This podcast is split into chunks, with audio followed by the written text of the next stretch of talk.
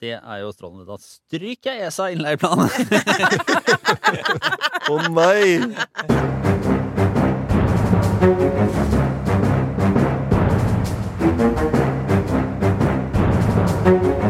sånn. Ja. Nei, men da er vi i gang med denne ukens Aftenpodden, og vi er på plass her i studio. God morgen, god morgen, Trine Eilertsen. God dag. Jeg er så fornøyd. Jeg er så fornøyd. Skal jeg si hvorfor det? er med? jeg bare tar det med en gang. Ja. Fordi at eh, jeg har tidligere avslørt min eh, kjærlighet til påskemarsipan, og julemarsipan for så vidt, men påskemarsipan særlig. Eh, og nå leste jeg at alle butikkene de dumper prisene på påskegodt, for de er så redd for å ikke få det ut. Oi! Allerede nå? Ja! For en seier! Og ofte er det jo etter påske. Men det er nå. Men jeg tror ikke prisen på marsipan har hindret deg fra å spise marsipan før. Har det Nei, nei, men det er følelsen, Sara. Det er følelsen. Og så kaller de det dyrtid. Altså, for en bløff. Ja, altså. Kom igjen. Her er det bare å kjøre på. Uh, god dag, god dag, Sara Sørheim. Hallo! Og god dag, god dag, Kjetil Astheim. Hei. Skal vi se. Uh, Denne uka, det er, det er snadder. Skattesnadder. Uh, en- Vi tar en liten dom over Høyres landsmøte. Ser om jeg hadde rett, eh, eller om det har- kommer innsigelser. eh, Med en liten historie om Erna Solbergs ubegrensede makt i de fora. Og så blir det Vi må en liten tur til Gwyneth Det må vi faktisk. og eh, JK. Ja. Ja. Eh, Og så her er det en, en full meny, rett og slett. Eh, Men aller først så må vi bare si dette er jo en åpen utgave. ikke sant? Jeg vet ikke om eh, dere som sitter her i studio husker helt hvordan vi publiserer, men vanligvis tre av fire utgaver ligger bak eh, såkalt betalingsmur for abonnenter. ikke sant? Enten Aftenposten-abonnenter eller de som har Podme. Eh, Denne fjerde i hver måned går jo da ut til alle, så en del av de som hører på nå, en del av dere, jeg eh, snakker til dere, har ennå ikke rota dere til å eh, høre på hver uke. Abonnerer ikke, det må vi få gjort en slutt på. Vi snakker kanskje en milliard mennesker. Ja, Kanskje en milliard mennesker. Ja. De har gått glipp av så mye. Ja, ikke sant? Så eh, vi kan jo ikke annet enn å anbefale alle å, eh, å faktisk abonnere. Enten på da Aftenposten, selvfølgelig, eller eh, Podme. Da kan jeg si Det er en kampanje på Aftenposten-abonnement som er i gang akkurat nå. Så hvis man ikke er abonnent, så er det tips nummer én. Eh, gå inn på aftenposten.no og bli abonnent, så kan du høre hver uke. Eh, til de som allerede er abonnenter, så vil vi bare minne om en liten gavepakke, ikke sant, Trine? Mm. For de kan også da dele sitt abonnement med en annen person. Så dermed så kan dere, hvis dere har en annen venn som er glad i å høre på Aftenpodden og har lyst til å gjøre det hver uke, øh, del abonnementet, gå inn på din side og del abonnementet. Eller hvis man ikke har abonnement selv og vil hacke systemet, Så man trenger ikke ha liksom én propp, dele to propper. Nei, ikke sant, det er ikke nødvendig. hvis man vil hacke systemet, så kan man få seg eller finne seg en venn som er abonnent, og overtale dem til å dele abonnement med seg. Vet du, Dette var nytt for meg, faktisk. Jeg var ikke klar over det. Men kunne, det kan stå i en Tinder-profil. Har Det- Aftenpodden abonnement. Deler gjerne. Altså, Og vi har en vinner! Så det, er bare, det var ukens lille sånn brukerservice eh, som vi håper folk eh, tar til seg. For vi vil jo faktisk at flest mulig skal komme inn og, og høre oss hver uke og være del av dette eh, flotte lille fellesskapet vi har. Og så går vi i gang med eh, denne uken, fordi eh, vi har jo gått og venta nå i månedsvis. Lurt på hvordan regjeringen skulle grave seg ut av eh, sitt eh, lille hull. Altså, Noen av oss har knapt fått sove om natta. Jeg er så spent. Eller om dagen. Eller om dagen. Nei, altså Med varierende grad da, av, av nerver så har man lurt på hvordan regjeringen skulle lande denne ballen med eh, lakseskatten. ikke sant? Hvis vi tar den eh, liksom historien på opprinnelsen her, Sara. Ja. Nei, laks det er en fisk som svømmer i havet. Nei, men det jeg kan ikke i si havet. I bekken. I merdene. Ja, det NOS. her, ja, Det er den ok, vi snakker om. Men det jeg faktisk kan si med dette, er jo at uh, sånn, Som er verdens korteste bakgrunn, men som er relevant for denne historien, det er at det var et forslag om å innføre denne typen skatt under den forrige regjeringen. Det fikk bransjen stoppa. Eh, lobbyistene fikk stoppet det forslaget. Alle var imot på Stortinget til slutt. Det ble lagt i skuffen. Så dukket det overraskende som eh, på en måte bare ut av ingenting opp i forbindelse med budsjettet nå i høst. Eh, fra denne regjeringen. Og det bakteppet der, det må vi bare minne om og minne om og minne om, fordi at det er ikke lenge siden at dette ble lagt bort. Ikke sant? Og Nei. det ble faktisk også lagt bort av dagens regjeringspartier. Nettopp. Absolutt veldig lagt bort av ja. både Arbeiderpartiet og Senterpartiet. Særlig Senterpartiet, som la det veldig, veldig, veldig langt bort. Og skulle, det skulle de ikke gjøre. Det ville rasere kysten, faktisk. Mm. Ranekysten. Nei, hva heter det nå for tiden? Rasere det ut. Ja, ja. Ran, ja. Og, ja. Og så kan man eventuelt eh, reise. Men det er, eh, eh, den lange historien kort. Eh, regjeringen fant ut at de trengte mye mer penger. At det er lurt likevel. og at det er lurt likevel. Ja, Og så vil de ha det, det som da kalles grunnrenteskatt på, øh, hav, øh, altså på havbruk på oppdrettsnæringen. Ja, og eh, argumentet er oppdrettsnæringen eh, har hatt ekstremt høye overskudd, har tjent veldig mye penger, er jo en næring som har vokst de siste tiårene og blitt liksom en av Norges aller, aller viktigste eksportnæringer. Eh, argumentasjonen er de benytter seg av et slags felles gode i at de kan plassere denne oppdrettsfisken i vårt, vår alles liksom, naturressurser og vann. eh, og måtte baserer seg på noe som, som alle skal kunne nyte godt av. Og Dermed så vil det innføre en sånn form for grunnrenteskatt som eh, skal si at dere må betale en slags leie til fellesskapet da, for å, for å få nyte godt av de forutsetningene som gjør at dere kan drive næringa. Ja, at utgangspunktet er da at tilgangen til dette sjøvannet er begrenset. sant? Det er ikke sånn at du og jeg og alle vi kan bare sette opp en merd med laks og eh, oppdrette laks og selge videre. Man har en konsesjon. Du får lov, her er din billett til å drive med dette, du får lov, mens du får ikke lov, for nå er det fullt her. Sånn at det er et begrenset gode der du får utnyttet den ressursen vi sier er en felles ressurs. Og da innenfor olje og gass, innenfor vannkraft, så har vi sagt det at det å ha tilgang på en sånn naturressurs, og kunne få ekstremt ekstra høye overskuddet på den naturressursen. Det får du både fordi du har tilgang til den unike ressursen, men òg fordi ikke alle andre har det. Så får du et ekstra overskudd som ikke andre får, og da har vi sagt at da skal du betale ekstra skatt for det, og så har diskusjonen vært skal vi også gjøre det på denne næringen. Og etter at da regjeringen snudde, ville innføre dette her, så, eh, så har det jo kommet eh, mye kritikk, både fra næringa selv, som jo er en ganske mektig eh, interessegruppe. Veldig mektig. Veldig mektig. Det må være Ja. lov å si. Ja. De, de, de får jo folk til å kle seg ut i laksekostyme og gå på scenen på landsmøter. Det er ikke mange næringer som får til det. Nei. Det er men, makt. men de har, det er jo en mektig lobby med god grunn. For det, dette er jo en suksess, altså en næ, utrolig viktig næringssuksess langs kysten i Distrikts-Norge. Gitt store investeringer, arbeidsplasser, aktivitet på områder der du ikke ville fått det til med offentlige liksom, tiltakspakker og sånne ting. Så det, det er, Og Norges nest største eksportnæring, så det det er jo en kjempeviktig næring. Så det er ikke så rart at den har tyngde. Og den har, altså særlig har den jo mange allierte der den har aktivitet, fordi du har ordførere som er bekymret for hva skjer med investeringene, hva skjer med eier, eierskapet og sånne ting her. Så det, det, den har mye tyngde, med god grunn. Og i det ligger jo selvfølgelig også mye av forklaringen på at Senterpartiet tidligere har vært på næringens side. Ja, Sant? og det, er jo bare- Distriktspolitisk gir jo det mening. altså det Sørge for arbeidsplasser på steder hvor Senterpartiet står sterkt, og, og ønsker å fortsette å stå sterkt. Det er bare olje og gass vi selger mer av. Og så uh, har jo da det har vært en høringsrunde, og så har regjeringen da gått inn i sitt eh, kammer og så vurdert litt sånn hvordan er det vi skal håndtere dette her. De har sett på sine lokale ordførere som har gått ut og eh, sagt eh, dette her er ikke bra nok, og så har de litt sånn enkelt forklart, de har justert ned satsen litt, fra på 40% til 35 De har økt bunnfradraget, sånn at de mindre selskapene i, i, skal rammes i, i mindre grad. Eh, og så har de justert litt på en sånn fordelingsnøkkel, som betyr at lokale, som kommuner og, og områder, vil få en større andel, og mer en sånn forutsigbar større andel enn det som var foreslått fra før. Det siste her er, veldig viktig, fordi når de da sørger for at det går mer penger til de kommunene og fylkene som har oppdrettsvirksomhet, så får de lettere med seg på laget sine egne ordførere og politikere lokalt.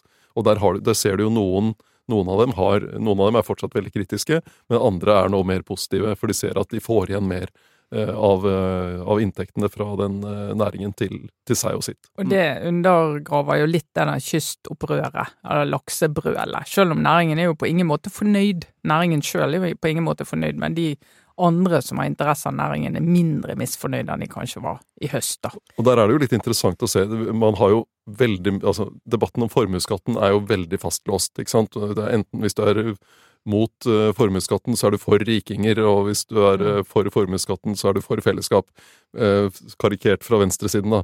Men det regjeringspartiene nå gjør, er jo å gi en lettelse i formuesskatten for de som da eier laksekonsesjoner i ikke-børsnoterte selskaper, altså prøve å støtte lokalt eierskap.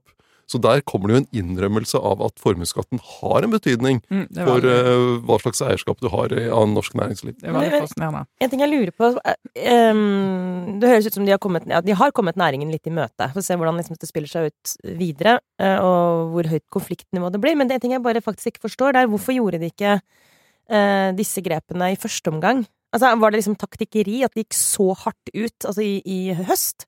Eh, hvis de nå har handlingsrom, er det fordi at vi har eh, høyere inntekter enn, de hadde lagt til grunn, rett og slett? Er det en sånn teknisk årsak? Eller kunne de bare ha tenkt seg litt bedre om? Altså, så, altså hvorfor kommer de nå med en annen og mer tilpassa løsning, som også er bra for dem rent sånn oppslutningsmessig ute i distriktene? Ene grunnen til det er at det gikk veldig, veldig fort. De var jo ganske langt ut på året eh, før de bestemte seg for at det var den måten de skulle hente inn de ekstra pengene, sammen med den ekstraskatten på kraftselskapene. Eh, sånn at forslaget var nok ikke helt gjennomarbeidet, sant. Nei. Eh, og litt av grunnen til det var jo det, Der mener jeg du kan skylde på to parter.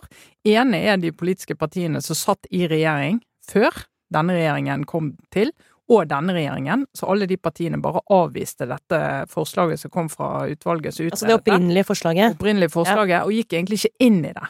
Og bare sa, istedenfor å gå inn i det og si ok, nå skal vi nå skal vi ta stilling til det når det ligger et konkret forslag, gjennomarbeidet forslag på bordet, så skal vi ta stilling til det. Det var ikke det de gjorde. De bare sa dette skal vi ikke engang gå ordentlig inn i. Vi skal ikke engang lage et forslag. Så det lå jo ikke et forslag, det lå en utredning.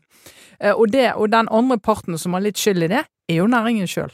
For mange smartinger som har vært med på forhandlinger, de vet det, at du oppnår mye mer hvis du sjøl har tanker om hvordan sluttresultatet kan bli. Hvis du er med å skissere noe, Du liksom? spiller inn Mm. ting og sier ok, vi skjønner hvor dette bærer. Vi skjønner at ned i løypen så må vi betale mer skatt. Vi må, det, det er forventningen. Vi ser at overskuddet i bransjen tilsier det. Vi kan ikke bare stå og si liksom hysterisk at kysten raseres hvis, hvis vi må betale den skatten, og gå inn med forslag. Og det har jo næringen heller ikke gjort. De har jo avvist det helt. sant? Og da kommer det jo en situasjon hvor regjeringen legger frem et eh, litt eh, kjapt forslag. Alle blir rasende, så er det høringsrunde, og så masse masse høringsuttalelser som kommer inn, og så påvirker forslag. Og det skal det jo! Det skal det jo. Hvis det ikke påvirker forslaget, så har det i hvert fall ikke legitimitet. Men det er jo interessant, hvis man ser på det sånn, eh, som en lobbykampanje Vi har snakka om, om lakseskatten egentlig, altså tidligere, også da i, i 2019, da dette utvalget kom med forslaget, og det ble lagt i skuffen. Noe som og det Frp nå skryter av, at vi, dette, vi har lagt dette i skuffen. Um, men, men eh, en kan jo se på det det spennende å se om det blir en sånn faktisk et stort ja, taktisk nederlag for egentlig for næringa og potensielt for Høyre, som jo eh, på en måte la bort muligheten til å faktisk innføre en ordning som de mente var kunne og fungere ja, i, i 2019. ikke sant? Ja, og la nå- bort muligheten til å lede de forhandlingene og ha Ja. hånda på rattet. og nå, egentlig takket være landsmøtet, har gått ganske sånn låst seg til en posisjon som gjør at de potensielt får ganske liten innflytelse på hvordan det her skal utformes nå. For de har jo egentlig sagt at denne ordningen, altså det systemet som det nå foreslås, det kan ikke vi være med på. Så er det litt bevegelse. Men, men de har på en måte sagt at nei, nå får det egentlig være opp til Arbeiderpartiet og SV å finne ut av dette her. Så de kan jo risikere å ikke ha en hånd på rattet i det hele tatt. Ja, altså Næringen har jo De ser jo at det blir mer skatt. Eh, Så de sa jo allerede i høst at ja, vi kan godt betale litt mer skatt, men ikke på den måten. Eh, Så de, de, de, grunnrenteskatt kommer.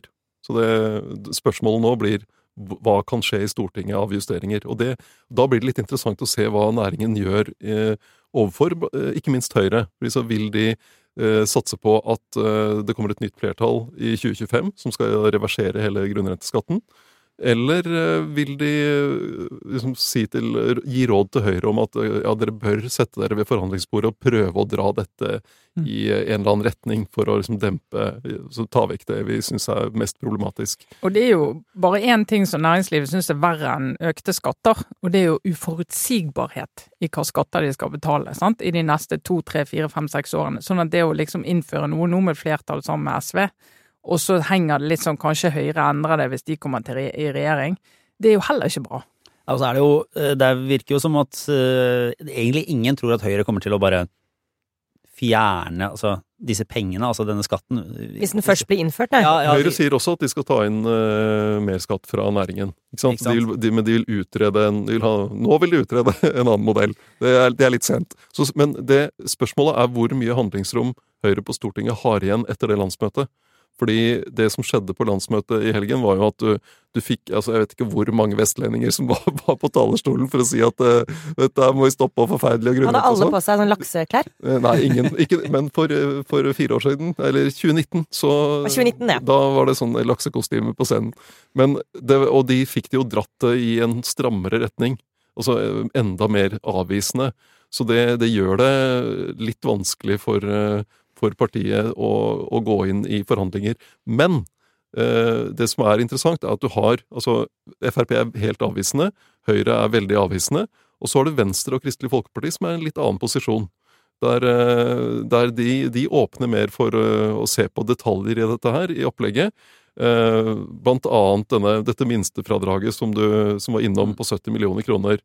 Uh, det høres jo veldig smart ut for å ta vare på liksom, de små, mellomstore virksomhetene. Smart. Men det er ikke smart. Fordi, det er ikke smart, fordi det det gjør, er at du, du får da masse dumme inn, sånn tilpasninger. Du kan enten splitte opp ting for å liksom komme under grensen. Eller ja. du kan ha to selskaper da, som er sånn mellomstore, og hvis de slår seg sammen, så må de betale grunnrente. Mm. Og, så, og, så, burde de kanskje slått seg sammen for å drive mer effektivt og bli enda mer lønnsomme, men så får du hindret det. Så den, det bunnfradraget bør bort, og så må man senke satsen. For det var jo det vil, ikke, det vil jo ikke øh, regjeringspartiene. fordi For Senterpartiet er dette blitt sånn, sånn, symbolpolitikk for å ta vare på de små lokale eierskapene. Ja, jeg blir så oppgitt. Jeg føler, noen ganger tenker jeg sånn Det her er jo helt umulig. Altså, ble, nå, nå ble jeg sånn hvis man er på en, en tur i en by med en vennegjeng, og alle begynner å krangle om kartet, og skal vi gå der eller der, så blir jeg sånn Jeg går på bar.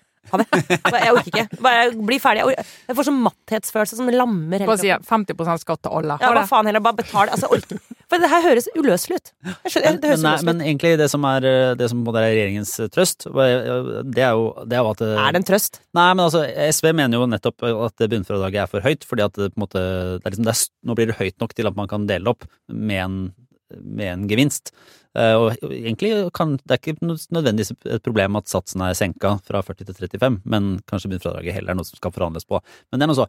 Eh, dette er jo, hvis de innfører det, hvis de sier 'jeg går på bar', hvis, hvis Trygve Slagsvold Vedum sier sånn ja, men eh, Finn ut av det i går. Finn ut av det, jeg går på bar. SV får komme med sine innspill, vi blir enige. Gå på lokalet. Gå på lokalet. Så kan de jo i stor grad De kan i hvert fall trøste seg med at når det er innført, så har jo mye av kritikken har vært mot liksom prosessen, uryddige ting. Det må de kanskje leve litt sånn arven med, men det er i hvert fall når det er satt en løsning, så er det satt en løsning. Høyre kommer ikke til å slette det og gjøre noe helt forferdelig, helt annerledes. Og de har jo egentlig grunnleggende med seg på en måte praktisk alt alt av eksperter og uh, sånne utrolig mektige kommentatorer og forstår seg på det i avisene, som mener at det her er en, altså grunnrenteskatten er en, på en måte en god skatt, ikke sant? Ja, sjøl i distriktsmediene eh, sier de jo det. Ja. Så du prøver å si at når dette her eh, Men, til slutt blir landet, så kommer egentlig det her til å bli relativt greit? Og liksom, altså det kommer ikke til å være en kjempekonfliktskapende altså, system som skatt, Skatten kommer, men, men, jeg tror denne diskusjonen om hva er det grunnrente på, kommer til å fortsette. da, For Næringen sin holdning er jo at det er jo ikke sjøvann vi produserer og selger. Sant? Mm. Mesteparten av innsatsen skjer før fisken kommer i vann. Så de liksom bryter opp denne verdikjeden, og de må lage denne smolten, og de må få den liksom stor nok til å sette seg i havet, og det må forskes, og de må gjøre litt sånn Det er ikke så lett som med vannkraft og olje og gass. Så skal den opp av havet òg, og så skal den slaktes og bearbeides, men der, der har de jo sånn Det deles ut, da. Men det, er, ja, det, er noe av det som er komplisert med den, at du skal liksom skille ut Du skal ha grunnrente på akkurat det som skjer i havet, og så skjer det ting både før og etter. Nettopp. Og det, det er jo en interessant diskusjon som ikke vi skal ta heller, altså. Jeg lover deg. Jeg lover deg. Jeg, du, så at, jeg så at du fikk tusenmeterblikk, ja. men det er jo interessant, denne verdikjeden. Denne eh, næringen sammenlignet med andre. Og så husker vi, for siden jeg kommer fra Vestlandet, da. Eh, så har jo jeg eh, da vært vitne til en del diskusjoner om sånne olje og gass og ilandføringsanlegg og sånn der. Og der jo, da var det jo litt sånn kommunene ja, må gjerne sette opp anlegg her, men da må dere lage vei og betale veien. Og utbedre mm. veien, og gjerne eh, rehabilitere det gamle naustet som ligger nede i sjøen der. Og oljeselskapene bare greit, det gjør vi, vi tar den. Sant? For nå du hører Støre sier men vi trenger jo nye veier for å få fraktet laksen eh, til markedene, og da må jo dere være med og spleise på det gjennom denne skatten og prøve liksom å koble disse tingene. sant? Olje og gass, eh, så var det mye råere. Bare så kjøpe vei sjøl! men bare for en ja. liten ting om det som kan skje i forhandlingene, da. Fordi det som er interessant, ikke sant, Du har SV og Venstre som ligger på en måte i litt ulike retninger, der SV gjerne vil klime til mer på skatten, og Venstre syns det blir mest laget. Men de, de, møtes jo litt på det med den skepsisen til hvor høyt det bunnfradraget er. Og så har, er begge de partiene også opptatt av å få inn mer sånn miljøhensyn og sånne ting i den skattepakka. Eh, så der møtes de også. Nettopp. Ja. Altså, av og til når vi har sånne, du vet, det her er som åpne altså, tenker sånn, ok, Nå har vi en sånn å- åpen utgave, da, en gratis utgave til av Aftenposten. Så tenker sånn, da, vi, da, liksom, da kan vi gå litt sånn breiere ut, da. Kan vi gjøre det litt sånn eh, eh, sånn- Tilgjengelig. Treffer ungdommen, eller vi Ja, for nå, altså, verdikjede i oppdrett, var ikke det du Nei, jeg vet ikke, jeg synes, men eh, ja, ja. Grunnregelen er heldigvis at vi snakker om det vi syns er interessant, og det skal ingen ta oss på. Men vi må gå videre til Høyres landsmøte. Jeg, gikk jo ganske høyt på banen sist uke og sa at eh, dette blir kjedelig. Eh, Du, du står jo ved det. ja, jeg gjør jo egentlig det. Eh, på, at det på at det ikke var liksom noe, noe fyrverkeri, ganske liksom tamme saker. Men, men eh, er du, du protesterte litt da jeg, da jeg kom med den utrolig raske overfladiske analysen her i stad, Kjetil? Nei, altså jeg hadde, jo, jeg hadde jo skrudd ned mine egne forventninger ganske lavt. sånn at det skulle ikke så mye til å bli eh, positivt overrasket over at dette var litt interessant. Og det derre laksesaken var jo der. Ja. Det var interessant. Og så hadde de jo en, en veldig intens debatt om eh, altså mobiltelefoner, sosiale medier, barn og unge. En, eh, en uttalelse som skapte voldsomt engasjement i salen. Skal, du, skal Høyre kreve mobilforbud i skolen? Skal du kreve nye aldersgrenser i sosiale medier? Eh, Og en debatt som egentlig vi, Som går, går jo rundt i alle foreldremøter og lærerværelser og sånne ting. eh, Og som er egentlig superinteressant og viktig. Men der de, den resolusjonskomiteen hadde lagd et utrolig rotete forslag. Der de liksom rota inn eh, det ene med det andre, og du fikk eh, til, til, Så til slutt så ble jo hele resolusjonen avvist. Det vanlige er jo at man flikker litt på den, og det er noe kamp om noen bestemte avsnitt. Her var bare Til slutt var vi sånn Nei, dette, dette vet vi ikke! Men debatten kommer jo til å fortsette. Og bare for den resolusjonskomiteen på et landsmøte, det er altså den gruppa som sitter og får ansvaret for å skrive sammen Ja, de skal jo komme fram til et forslag som alle kan helst enes om, da. Altså, de, skal jo på en måte, de skal jo sette ned i ord det som de tror skal få et flertall. Ja. De, de ser, det kommer jo inn masse forslag til uttalelser og resolusjoner til et landsmøte, og så er det en redaksjonskomité som ser på ok, hvilke er det vi bør behandle, og er det, noen, er det flere ulike som er opptatt av det samme, så prøver de å skrive det sammen til en Og det lyktes ikke Nei, ikke denne gangen. Det er jo litt nederlag for resolusjonskomiteen nå, da, når det blir så avvist at de ikke engang klarer å ta én del av det og ta det videre. Men det er ikke lett å ha landsmøter. Vi har et godt, men ubekrefta rykte, som, som riktignok eh, har vært eh, saker blant annet i Stavanger Aftenblad, eh, gode saker også, om en bare artig liten, eh, liten sak i, på Høyres landsmøte. Det var faktisk et høydepunkt for meg. Det var at det viste seg at Rogaland eh, Høyre hadde kommet med et forslag om eh, at Altså at norsk i klimaregnskapet til Norge, så skal man bruke at skogopptaket av CO2 skal regnes inn i vårt eget klimaregnskap. Sånn som vi blant annet regner det når vi på måte, ordner, bygger, si, ikke kutter regnskog og sånne ting ute i verden. Dette har vært liksom kampsak for Fremskrittspartiet, og det sies at forslaget fra Rogaland Høyre kom liksom ganske kopiert fra, fra inspirert av Frp. Men der, i hvert fall, så sitter man på landsmøtet og syns at dette her ser jo ut som et tilforlatelig godt forslag, og stemmer, altså vedtar dette her, som eh, Fredag kveld Ja. godt utpå. Og, så, Ja. og uten debatt eller noe sånt, så bare ok, så bare plutselig skled det inn, så var det vedtatt. Som er en radikal endring av eh, norsk klimapolitikk, for Ja. det innebærer egentlig at du i praksis ikke trenger å ta noe særlig ja, for vi får mye bedre tall, ikke sant? Ja, og, og Ja. poenget er jo at du, da man satte klimamålet, så, så så man på så Hvis du skulle lagt inn den derre skogeffekten, så skulle du hatt et mye tøffere klimamål. Mm. Fordi det du egentlig sier, er at fordi Norge hadde så mye skogplanting etter krigen, så har liksom Einar Gerhardsen gjort klimajobben for Norge. så det, så det, og det som skjer i sånne situasjoner, er jo da at delegat nummer én ber om ordet. Ja, og det er særlig i, eh, særlig i Høyre, og delegat nummer én, det er Erna Solberg. Okay. Og Erna Solberg gikk da på Hun har ellers brukt mye tid på å sitte og spille litt sånn eh, Candy Crush på mobilen, og virker ikke sånn superengasjert, Altså, vel? Apropos u- godt med det ubegrepet rykte, under denne debatten om sosiale medier og sånn, så var, satt visstnok Erna Solberg og reddet landet fra et zombieangrep på telefonen sin. Men kanskje Men hun da- kan også fyre seg opp. Hun kan også fyre seg opp, og, og gikk i hvert fall på talerstolen og kom som liksom mor Erna og bare så på hva, hva har dere stelt i stand hjemme i stua nå? Nå tror jeg eh, nå, jeg tror jeg, sa- nå tror jeg vi har liksom skutt oss selv i foten, for det, har vært, det endrer liksom premissene for egentlig hele Høyres forståelse av klimaregnskap og, og, og norske klimatiltak. Så hun var sånn kanskje vi skal gjøre dette på nytt? Ja, oi! Eh, Gjorde de det da? og så gjorde de det på nytt. Og så gikk det vel fra å være et sånt jevnt, altså lite flertall, da, som, som eh, ville ha dette forslaget fra Rogaland Høyre, til å være sånn 75% mot. Å herregud, Bare- for en makt! dette er. Og så, for å fortsette, så var det da Det var vel helt eh, herlig fordi Stavanger Aftenblad, da, som er min kilde til denne tildragelsen, fordi jeg ikke var på landsmøtet selv, eh, har intervjua da denne fylkeslederen, eh, Braut Nese i Rogaland Høyre. Så, og, og spurt Det er et veldig fint lite intervju som er Fulgte Erna Solberg spillereglene? Svar nei.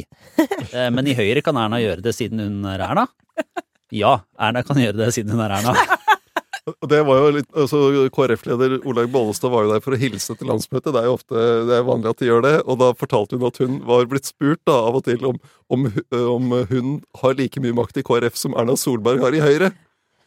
Og da sa hun det er jeg ikke sikker på at jeg har, men det driter jeg i! Sa hun det? Ja, fra talerstolen. Hva? Dette var fru Larkin som kom fram, tror jeg. Ah, Men Og, dette er jo og, og annen som hilste, var Abid Raja. Venstre nestleder. det hørte jeg Han- faktisk var gøy. Det var veldig veldig bra. Altså. Og han parodierte Erna Solberg. og sånn, fortalte Jeg skal ikke prøve å etterligne det, men han fortalte da han skulle bli kulturminister, da, så satte han seg og hadde møte med Erna Solberg. Og så sa han ja, du har jo vært en løs kanon. Det kan du ikke være nå. Jeg kan ikke tenke meg to politikere som står lenger fra hverandre på liksom måten de løser oppgaven på, enn Erna Solberg og Abid Raja. Men eh, det kan jo også fungere bra. Altså, tenk, da. Altså både, også Bollestad, for den saks skyld. Men tenk så stor kontrast det er til en Jonas Gahr Støre. Altså Erna Solberg. Hun, hun kan, altså uansett hva hun gjør, på en måte, altså hun er på en sånn flow nå, at hun til og med rolig kan reise seg opp, gå på talerstolen på et landsmøte og bare helt sånn pent og forsiktig si sånn Vi må ta dette på nytt. Altså, og det har hun egentlig ikke. Hun har ikke mandat til det. Det er helt riktig det du sier. Ja, men du, egentlig jeg, altså, jeg, jeg, jeg, jeg tror faktisk i Høyre så på en måte kan jeg tror, Det er på en måte ikke Jeg tror ikke det liksom formelt sett er noe men i veien. De var jo litt, hvis var du bevisstløse i gjerningsøyeblikket. Ja, ja? Men, men poenget er bare at hvis du er i en konf evig konfliktsituasjon uh, uten tillit Ja, da kan eh, du ikke gjøre det. ikke sant? Altså, Se for dere Jonas Gahr Støre gjøre det samme på Arbeiderpartiets landsmøte. Kommer ikke til å skje. Han har ikke den, den tyngden har han, eller det mandatet har han ikke. Altså det, og det er jo bare dessverre sånn Vi har er. fått enda større stemmetall mot seg. Ja, akkurat. Det ville gått opp og sagt skal vi gjøre det på nytt, og så bare ja. Ja, det kan vi godt. Apropos, kan jeg bare spore av for det vi diskuterte i forrige uke? For Var liksom, blir, blir det mer spennende på årsmøte, fylkesårsmøtet til Trøndelag Arbeiderparti enn Ja, hos Høyre? ja. Eh, og det ble jo egentlig ikke så spennende i, i Trøndelag. Det, altså, Trond Giske drev jo med det, altså, det endte jo i en slags sånn vedtektsdebatt. Eh, om, eh, hvor, om, om hvor disse medlemmene i Nidaros sosialdemokratiske forum, altså eh, denne eh, gjengen til Trond Giske, hvor de skal telle.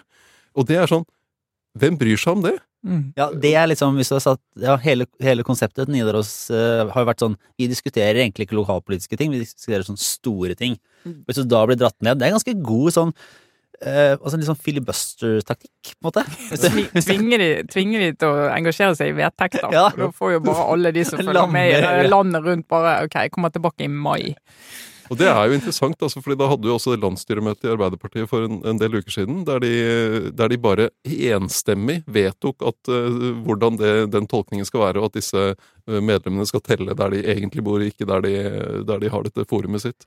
men nå fikk jo faktisk, uh, bare fordi jeg, jeg av en eller annen merkverdig grunn uh, Har blitt medlem av Nidaros. Nei, men uh, altså det som faktisk ble utfallet, var jo da at de at, at de opponerer egentlig i, i Trøndelag Arbeiderparti mot den, det landsstyrevedtaket. Ja, for de sier at de skal ikke telle noen Ja. steder. Så det er sånn, de, de, de, vil, de var litt sånn Hvis ikke de får telle hos oss, så skal de ikke få telle hos noen andre. Men det, nå slår det meg at kanskje dette er Altså Man tenkte på en måte og hele tiden tenkt sånn Hva er Trond Giskes endgame? Hvordan kommer den historien til å ende? Hva er det han skal? Skal han bli partileder? Hva skal Nei! Kanskje historien om Trond Giske bare fisler ut i en sånn vedtekts-clusterfuck. det, det var det det ble. Altså, I så fall så bare hyller jeg uh, strategene på Youngstorget, som har vært under en stein i noen år nå. Men hvis, hvis de har klart dette, hvis dette er en bevisst strategi for å få han til å bare rote seg inn i sitt eget uh, garn, liksom, så da i så fall skal jeg trekke tilbake all kritikk. Da gratulerer. Ja, ja, nei, eh, vi, ja, vi får vel ha litt mer positivt innstilt nå til Høyres landsmøte, merker jeg. Men, eh, men det skal si det, Det er heldigvis et år til neste gang, da. Ja, og så er det jo Det var jo ja, det, altså Akkurat vedtaket på laks er på en måte et sånn faktisk politisk vedtak som får noen særlige konsekvenser. Diskusjoner om mobilforbud, eh, andre ting, er jo ting som fortsetter ganske sånn stø kurs. Og ikke Altså, alle vet at eh, vi voksne kan diskutere det så mye vi vil, men 97% av alle barn mellom 9 og 18, eller hva det er for noe, det er helt sjuke tall, er på TikTok, liksom. Ja, ja, men det, det er det. Men det, altså, sant? Utah, USA eh, USA, hører Utah, USA, yes. eh, De har jo akkurat vedtatt eh, sånne regler, de. De har jo liksom sagt det at du, du får ikke lov eh, uten at foreldrene tillater deg å få lov å overvåke kontoen din, og det skal være aldersgrenser, og det skal være det ene med det andre, så de er jo kjempelangt. Så at den debatten kommer, og at eh, Høyre her eh, Så Snorre Valen mente jo at de misbrukte en mulighet her til å få lov å eie en debatt som eh, mange er engasjert i, da. Mm. Men vi får se. Men enda et godt, men ubekreftet rykte Ja. som er fanget opp på Høyrelandsmøtet. Det er en, Nå har du, gått, nå har du jobba bra, Kjetil. Ja. det det er en litt rystende form for trakassering, vil jeg si. Oi, er det noe som ikke kom med i årsrapporten til Høyres uh, Dette er stortingsrepresentant, ja, stortingsrepresentant Mathilde Tybring-Gjedde fra Oslo uh, Høyre, som har lagt ut, uh, hun la ut en story da på, på Instagram. At hun, der, hun pleier ikke å låse døra til kontoret sitt på Stortinget. Så det, det hun har opplevd nå flere ganger, er at Oi. noen går inn på kontoret hennes, og så har hun sånn tavle der, og så skriver det vedkommende sånn inspirational quotes på, på veggen. Sånn for eksempel i dag. I dag starter du dagen med blanke ark. ark. Grip den! Karpe diem! Dette er min humor. Dette er veldig gøy. Det er noen som gjør dette her altså, gjentatte ganger. Gjentatte, det, hun har lagt ut tre eksempler. Sånn, gode sitater jeg kan bruke fremover i politikken. Eh, jeg glemmer det som ligger bak, og strekker meg etter det som er foran. Dette kan jeg bare si, tror jeg, Trine, at hvis noen Jeg håper ikke du blir utsatt for det, da, hvis noen av dine medarbeidere skulle føle for å liksom ramme deg litt sånn hardt, Ja, Da, da ville dette vært en god taktikk, sant? Du er ikke så glad i inspirational et, eh, quotes? Nei, jeg har et vennepar som har skjønt det, så de drev og kjøpte sånne tre klosser, du vet, som du kan kjøpe på Jernia, der det står sånne ting, og satt det rundt i, i, boligen, i boligen uten at jeg så det. En gang hadde de lånt hytten vår, kom opp der, så sto det en sånn oppå hylla. Jeg fikk en panikkreaksjon. Har dere sett den derre Sånn, åh, Ja. Sto det sånn 'cottage'? ja, ja, på sånn Home! Ja. Å, å, nei! Men har du sett den Kastanjemannen?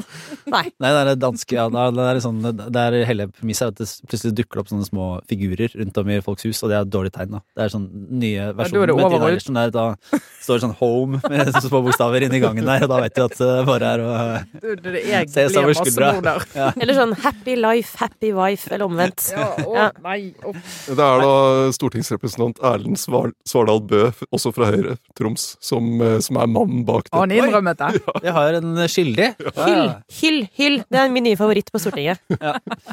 Da tror jeg vi går videre til en runde med obligatorisk eh, refleksjon. Ja. Eh, Har du lyst til å begynne, Sara? Det vil jeg gjerne. Eh, jeg har eh, Altså, jeg føler at vi har fått en gave denne uken. For nå er vi inne i en rettssak, sant? Nå er, Eller er det populærkultur? Nei, vi skal i retten. Vi skal til Vi retten. Så til eh, juss. Juss. Ja. Og hvordan det kan anvendes. Altså, jeg er spent, for at jeg, jeg, eh, jeg er bare litt sånn inngangen til den eh, tematikken, for jeg vet jo hva du skal snakke om, men, men jeg har ikke helt Jeg har liksom ikke helt forstått hva man skal begynne å gripe i. Nei, for det er jo en nå- herlig, herlig variant, Ja, men du kan stole på meg nå, for jeg har Ja. en knagg. Altså, Ja. dette er jo det, I journalistikken så handler jo veldig mye om Altså, du får, lyst, du får lyst til å skrive om noe eller snakke om noe som vi gjør.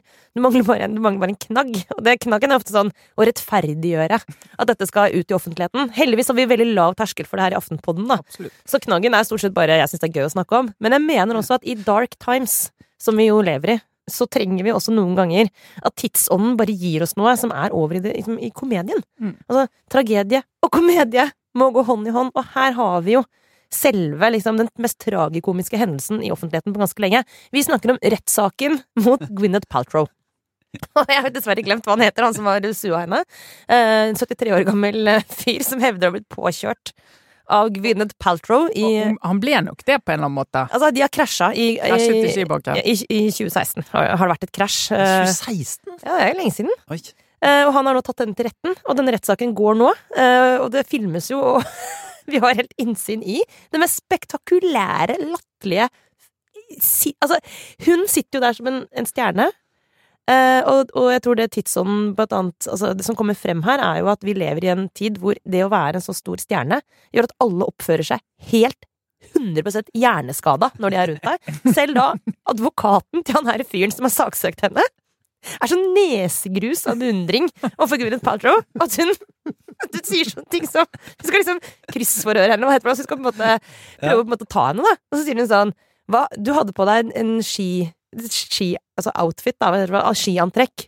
Uh, og hjelm og briller. For poenget tror jeg var at hun ikke var gjenkjent. Han visste ikke at det var Gwyneth Paltrow. Ja. Mm. Da sier hun sånn yes.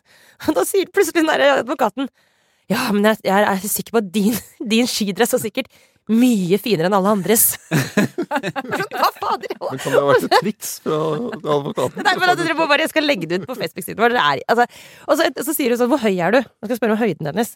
Og så sier hun det, Gwyneth, da. Og så sier advokaten sånn Ja, jeg er også veldig Jeg er bare en, et eller annet, 1,64.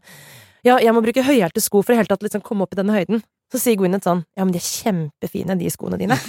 og da ser du at hun advokaten bare Wow! Thank you! Altså, ja, eh, og så kommer det beste, som jo da er eh, sin egen advokat, så blir Gwyneth Paltrow spurt sånn Eller om det er hun andre, det er samme det egentlig, for alle er jo på hennes lag her, tydeligvis.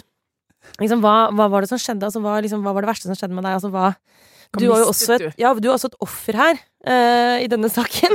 Og da sier du sånn helt det virker som mener det sånn. Ja, jeg mistet jo eh, half a day of skiing.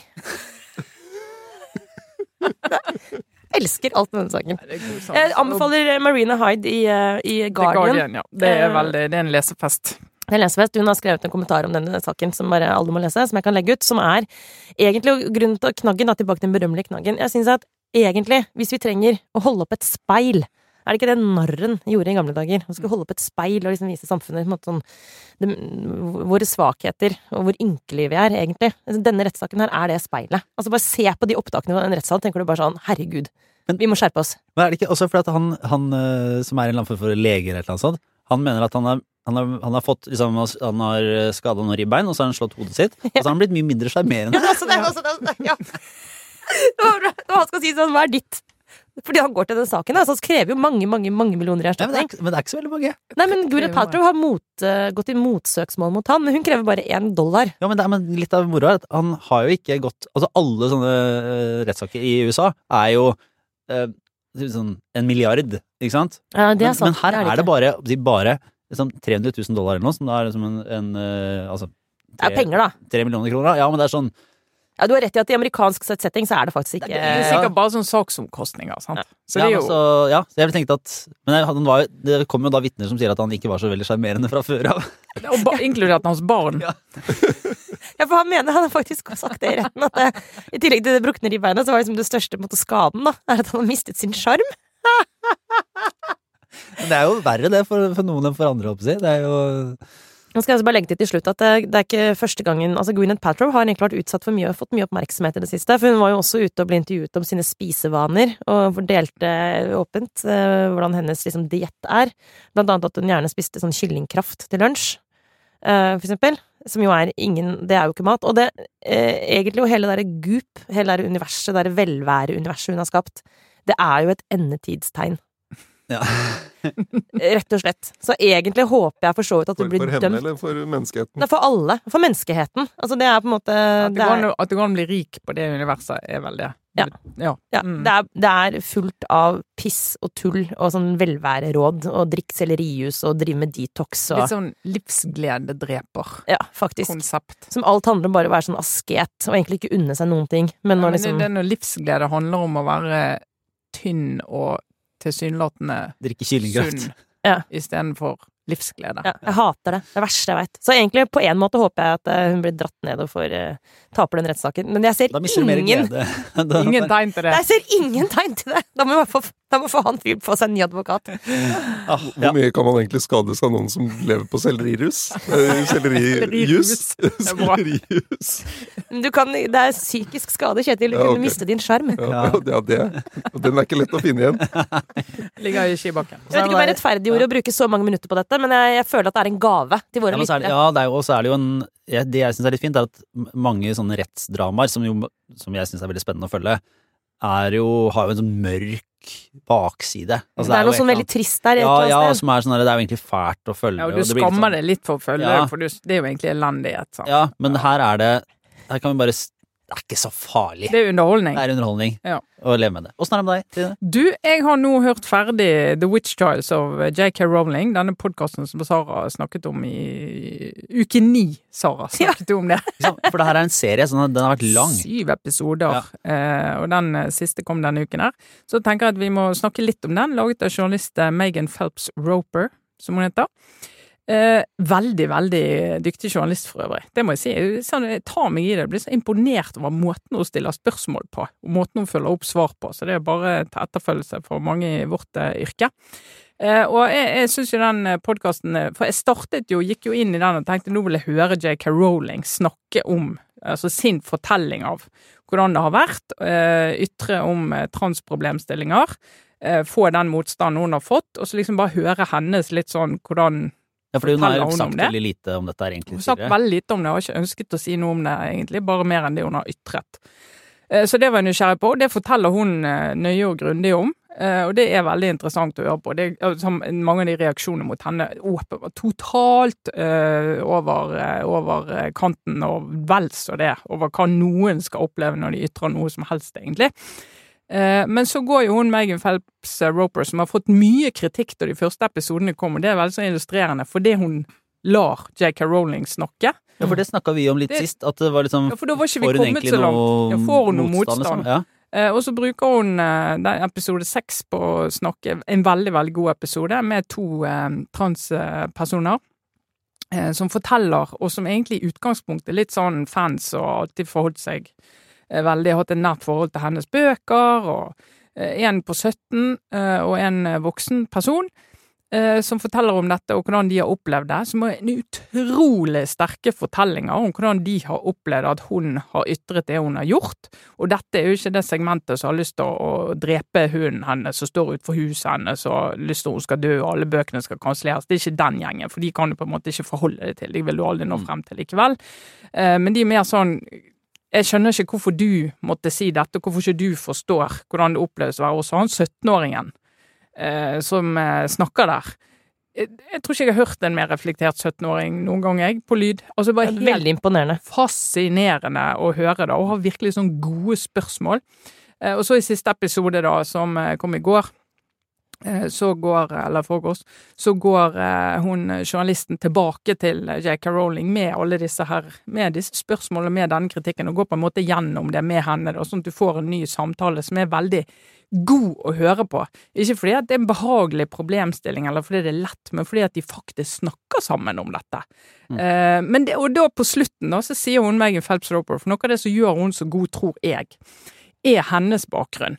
Hun kommer fra en sånn fundamentalistisk kristen sekt i USA, som hun har brutt ut av. Hun eh, drypper jevnlig gjennom denne serien og forteller hvordan det var å være et sted hvor du mener at du, du har så rett i din sak, eh, og, og de andre tar sånn feil, at du kan tillate deg hva som helst Mm. for å overbevise. Det hun fortalte at hun var altså en del av en familie eh, som kunne møte opp i begravelser til folk så de mente ha- sto for helt feil ting, og sjikanere de de pårørende Ja, ja, de er som ganske kom- berømte. Altså, de har vært, Altså, fått mye oppmerksomhet i USA. For eksempel eh, homofile menn eh, som er døde av aids, som begraves. Hvor de var kjent for å stå utenfor begravelsen og, og si at eh, det er Guds vrede som er kastet over deg fordi du har levd i synd. Altså foran sørgende foreldre, for eksempel. Altså, vi snakker den Ja. typen. alt, alt, alt var lov. Asshole i Ja, ja, ja. ytterpotens. Aller. Ja. potens. Og, og så har hun vært i dette og stått i det, og spiller klipp av seg selv når hun er blitt intervjuet om hvorfor hun mente dette var rimelig. Eh, og så har hun jo da brutt ut av dette her, og som hun sa, det var jo en liten sånn livskrise for hun. Da gikk hun jo og brukte lang tid på å tenke hvordan kunne jeg havne i den grøften der? Hvordan kunne det gå så galt? Eh, og så har hun laget seg en liste med spørsmål, da, som hver gang hun går inn og blir liksom engasjert i et eller annet, eller liksom tenker at nå, nå rykker det litt i det der genet igjen, så stiller hun seg de spørsmålene. De stiller hun også til J.K. Rowling, så kan dere høre podkasten før, hun svarer, da. Men jeg syns faktisk var et par av de spørsmålene der, de er sånn en god sånn sjekkliste for. Jeg er nå i ferd med å bli en fundamentalist med skylapper på.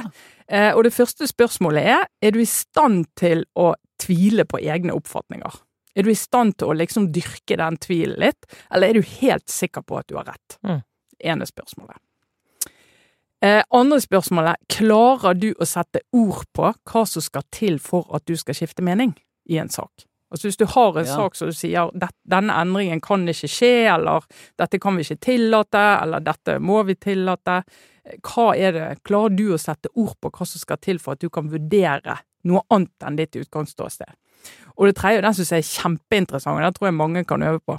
Klarer du å beskrive eller sette ord på din motstanders perspektiv og mening på en måte som gjør at de kan kjenne seg igjen i det? Mm. Sånn, jeg gjengir din mening, så gjør jeg det på en måte som gjør at du tenker ja, det er det jeg mener. Det, og det er en veldig er god trening. Ja, er- Veldig god trening. Og så selvfølgelig angriper du ideer og meninger, eller angriper du menneskene som ytrer ideene og meningene? Er du villig til å avslutte relasjoner med mennesker du er uenig i, selv når det er relativt små uenigheter? Interessant. Eh, og er du villig til å gå til ekstraordinære virkemidler mot folk du er uenig med? Type tvinge folk ut av jobben sin, ut av hjemmet sitt, feire deres ulykke? Altså, er du villig til å gjøre det? Og hun mener det at hvis du svarer ja på noen av disse Mm. spørsmålene, da er du på vei inn i det mørket hvor du ikke lenger klarer å lytte, ikke lenger klarer å egentlig stå i en samtale med noen du er uenig med. da. Så jeg syns den podkasten Jeg vil anbefale den på det sterkeste. Jeg syns den har mange, mange Jeg dimensjoner. jeg har ikke fått hørt den ennå, men jeg Jeg har kan- veldig lyst. Uh, deler helt og fullt den anbefalingen. Og så bare legge til også at uh, det blir jo interessant også å se på hvilke reaksjoner denne podkasten møter. Den får jo enormt med kritikk. Uh, og veldig mye av den kritikken går jo nettopp eh, på at hun har slipp, sluppet til Rowling Rolling selv, eller andre som ikke burde ha fått lov til å ytre seg. Eh, og det er jo nettopp det hun prøver å, å gjøre, er å åpne en sånn Lage en sånn råk, da, eh, hvor det skal være trygt, og hvor man skal drive med det som kalles liksom empatisk eh, samtale, hvor man helt, eller empatisk lytting, man faktisk prøver å forstå hva motstanderen sier, prøver å reflektere over det, men likevel på en måte argumentere for sitt syn, da. Men det å i det hele tatt gjøre det, det, akkurat sånn som vi har det nå i den tidsånden vi lever i, så er det Det er veldig, veldig mange som mener at det i seg selv ikke bare er uheldig, men at det er liksom nesten en forbrytelse. Eh, og det er veldig mye av det som går på at liksom, det å slippe til en stemme er farlig, og at du setter særlig transpersoners liv i fare hvis du åpner for eh, en type argumentasjon som de mener at til slutt kan føre til vold og hatkriminalitet osv. Og, og, og selvfølgelig, dessverre, så vet vi at ord kan føre til handlinger i ekstreme situasjoner. Ikke bare innenfor dette feltet, men sånn generelt. Ord kan være farlige. Men den graden på en måte man setter på det nå altså, Terskel for å si at ordet Ja. farlig, er jo blitt veldig, veldig lav. ekstremt lav. Og det- syns jeg dette her, bare, bare, dette her er et innlegg også i den debatten. At Mm. liksom, hvis vi skal fortsette sånn, så, så mister vi ytringsfriheten vår. Fordi plutselig så gjør du noe En talehandling blir farlig, ikke sant? Det å Mm. sitte og snakke om noe blir farlig. Og da blir folk redd for å ytre seg, og da Det er en slippery slope. Sant? Hvis, man, hvis man godtar det premisset, så da må vi egentlig slutte å lage podkast, liksom, til slutt. Det er kanskje ikke det Ja, største det er- problemet i denne sammenhengen.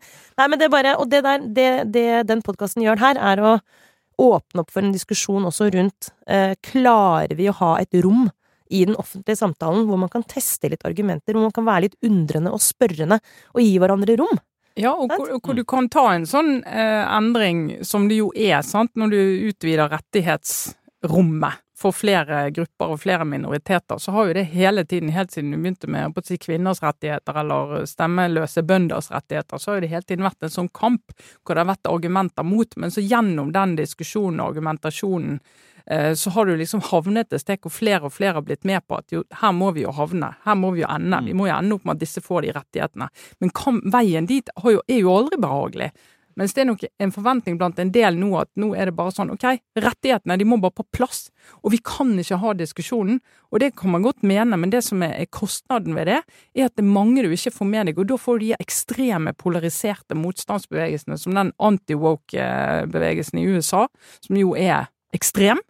Eh, og du får ekstremiteter på andre siden, og disse snakker aldri sammen. Du får en polarisering som gjør at de i midten som bare lurer litt og tviler litt og tenker jeg vet ikke hva jeg mener om dette, men jeg vil høre hva de mener og hva de tenker, og så utvikler deres ståsted seg. Sånn som i Norge, altså homofiles rett til å gifte seg. Det er ikke mer enn 25 år siden det var kjempekontroversielt. Mm. Men i dag er det ikke det. Den sjekklisten var jo utrolig interessant, altså. Og så bare slo meg at dette er jo egentlig litt sånn å dra en filosof Arne Næss normer for saklig diskusjon et hakk videre. Mm. For han kommer jo med de altså, seks normer. altså, Unngå tendensiøst utenomsnakk. Unngå tendensiøse gjengivelser, unngå tendensiøs flertydighet, unngå tendensiøs bruk av stråmenn, unngå tendensiøse originalfremstillinger, unngå tendensiøse tilberedelser av innlegg, Hæ. som jo også er så det er, Mm. som er, og Dette er jo en videreutvikling av det. Mm.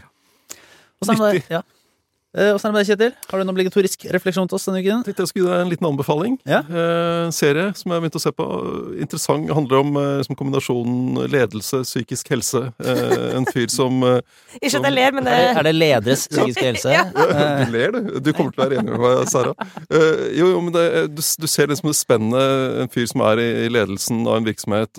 Alle kommer til ham med problemene sine. Han må løse dem. De lager problemer for ham. Eh, han har, på hjemmebane har han en kone som er misfornøyd, en elskerinne som heller ikke er fornøyd, noen unger som lager problemer. Eh, aktivt, dette er jo næringsliv, da. Han driver med sånn eh, avfallshåndteringsrådgivning, er det vel det han kaller det? Er det Sopranos? snakker vi selveste Tony Soprano.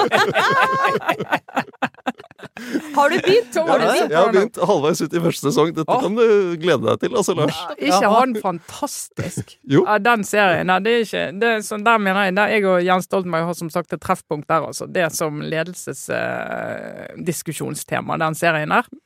Veldig bra. Vi snakket jo om det for noen uker siden, at vi har et sånn svart hull i allmenndansen. Lars jeg Ja, ja, har ikke nå- har sett den. men Det er morsomt å se en sånn serie som du da egentlig du har, Jeg har ikke sett den, men jeg har jo et forhold til den. For jeg har, jeg har fått med deg Det er sånn referanse presser. i så mange sammenhenger. Ja. Det var jo faktisk ganske mange som ville ha en sånn uh, episodepodkast uh, fra oss, Kjetil, men uh, det, det, det spørs om ikke den eh, muligheten gikk fra oss. Jeg kan egentlig bare runde av jeg, med ja, en, en eh, liten hyllest til til eh, det som er altså, de faste spørsmålene, eller altså den journalistiske øvelsen. eh, Sånne en måte, egentlig litt banale spørsmål. Det er sånn som man har i portrettintervjuer og sånn. Når Ja, det kommer sånn Ja. Og det var egentlig den var, Det ble løfta da Harald Eia ble portrettert i Aftenposten, og, øh, og, og på en måte nekta å svare på det som faste Jeg husker ikke om det er ti eller tolv. Hva er din guilty pleasure? Ja, ikke sant? sånn, som, hva øh, ser du på Når følte du deg mislykket sist? Hva Ja. leste du sist? Ja. og, så- og så er det som alle sånne spørsmål, så kan man si sånn De er jo på en måte litt teite. Ikke sant? Jeg, jeg skjønner veldig godt den der refleksen. Eh, men det er jo også derfor de fungerer. For at det, det, det tvinger faktisk de til, liksom, til å si noe som en kan relatere til, eller som, som åpner noe litt mer. Eh, og så ble den liksom forsterka da jeg hørte denne podkasten til Torbjørn Røe Isaksen, som også ligger i, i Podme, Stopp verden, der han intervjuer eh, ulike interessante mennesker, og hadde også uh, nestlederkandidat, skal jeg kalle det, Hadia Tajik, inne til en samtale eh, i eh, Jeg tror det var i forrige uke, jeg hørte den i hvert fall denne, den uka her. Eh, og der har de en øvelse med at de liksom Det er gjesten som har med seg De, de har liksom en samtale om store ting. Og så så mens skal de drikke de vin. drikker vin. Ja. Og så hadde jo da gjesten ta med seg vinen, er det så? Ja, det, blir en del av intervjuet er liksom at gjesten velger vin, og så snakker du litt om hvorfor personen har valgt akkurat den vinen. da. Ja. Eh, det kan jo være en fin inngang til å bli kjent med folk, det. Altså, men så vet vi jo alle at vin er veldig lada. Altså, vin er ikke bare vin, det er ikke bare noe rødt eller hvitt du drikker, liksom. Vin er jo det sier jo mye om hvem du er som person. Så det er et sånn smart grep, egentlig, da, å be folk ta med seg en flaske vin.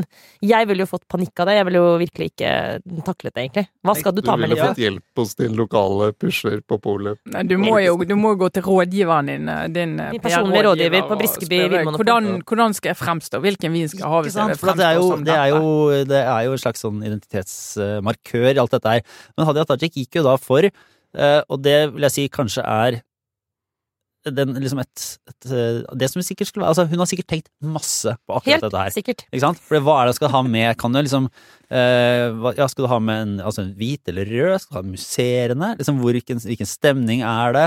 Eh, skal det være på en måte Hvor dyrt skal det være? Da, selvfølgelig, som Arbeiderpartiets store problem, som rekker alle retninger, så må man gå eh, basic bredt til, denne, eh, til pinnevinen. Altså, som jeg, jeg har på en måte ingen Jeg har, jeg har Det er sånn du kjenner den igjen jeg har, ja, jeg har ingen dom over, over det valget i det hele tatt. Jeg bare, jeg bare setter pris på øvelsen, og at det er, er Det er vrient. Hvordan er det du liksom skal Ja, men hvis du skulle markere deg? Hvis du skulle vært en, en Arbeiderparti-nestlederkandidat med en litt brokete sånn offentlig altså det er litt, Hun bør ikke på en måte gå på så mange flere smeller nå, sånn, hvis hun skal få den der, det der vervet, som hun vel sikkert ikke får. Men hvis hun da skal velge sånn vinens origo, på en måte, det minste felles multiplum, altså vinen som er så vanlig at den bare ikke er noe, liksom. Jeg har ikke identitet. Så velger du pinnevin. Og så, hvis, du, hvis du googler 'hva er pinnevin', så kommer det opp at uh, pinnevinen er den såkalte Altså en rødvin, bla, bla, bla, laget i Italia. Men det har vært en av Norges best, bestselgende flaskeviner. Den er dekorert med en liten kvist knytta fast i flaskehalsen med et stråbånd, og har derfor på folkemunne fått tilnavnet pinnevinen. Dette er vinen for ingen Altså, det er vin, Du trenger ikke å vite hvor den kommer fra. Trenger ikke å vite hva slags drue det er. Trenger ikke å vite hva slags farge det er på vinen engang. Du kan bare gå inn på polet og si 'jeg vil ha Du pinnevin'. trenger ikke vite Ja. hva den heter. Nei, det er, by, det er by og land, hånd i hånd. Ja. Alle skal med, vanlige folk. Eh, Gratulerer, Hadia Tajik, med å ha valgt den minst kontroversielle vinen. Den er ikke engang så dårlig at du kan bli latterliggjort for det. Den Ingen Nei, kan nei. bruke det mot deg, liksom. Nei. Gratulerer. Og de som bruker det mot, evner jo opp med å se på en måte, Det er en ufordelaktig kritikk å komme med, liksom. For da blir man sånn snobb. Ja, nei, her, uansett hva vei du kritiserer den på, så blir det galt. Ja. da. Så det, eh, men den skal jeg bare også Trygt si valg, altså. Det er et trygt valg. Det er, et er stø det er sånn kursvin. Ja. Og så eh, kan vi bare si til, eh, til de av dere som da enten ikke har blitt abonnenter ennå, igjen, ikke sant, dere kan abonnere på Aftenposten, eller dere som er Aftenposten-abonnenter, men vil ha flere podkaster, så kan dere jo da abonnere på eh, Podme. Så da kan dere ha et, det er et spesialtilbud som er ute nå. Jeg tror ikke jeg har egentlig lov til å snakke om pris og sånn, så det er ikke så farlig, men det er en kampanjekode som, heter, som er Aftenpodden. Så det kan man skrive inn, og så får man, et, eh, så får man en deal. Det går til podme.com, og så kan man registrere seg og bruke det tilbudet, og så kan man komme seg med da, og høre litt flere podkaster enn bare oss. Så det håper vi at flere, enda flere, er med også i, i ukene som kommer, selv om det jo faktisk er påskeferie neste uke. Ja. Men det Hvis vi selger er det noen flere episoder, altså Nei, men det, vi har en nydelig katalog. ja. kan gå helt tilbake det så skulle være. Uansett, ja ja. Det var denne ukens Aftenpodden. Eh, tusen takk for at du hørte på. Vi eh, går ut i helg og påskeferie etter hvert. Ha det bra! påske. Ha det. God påske. Hva er det vi syns er morsomst å prate om? Alt vi scroller på, ikke sant? Og det liker vi å prate om sammen, men også med våre fantastiske gjester i Poprådet. Hver tirsdag I Podme eller i Aftenposten-appen.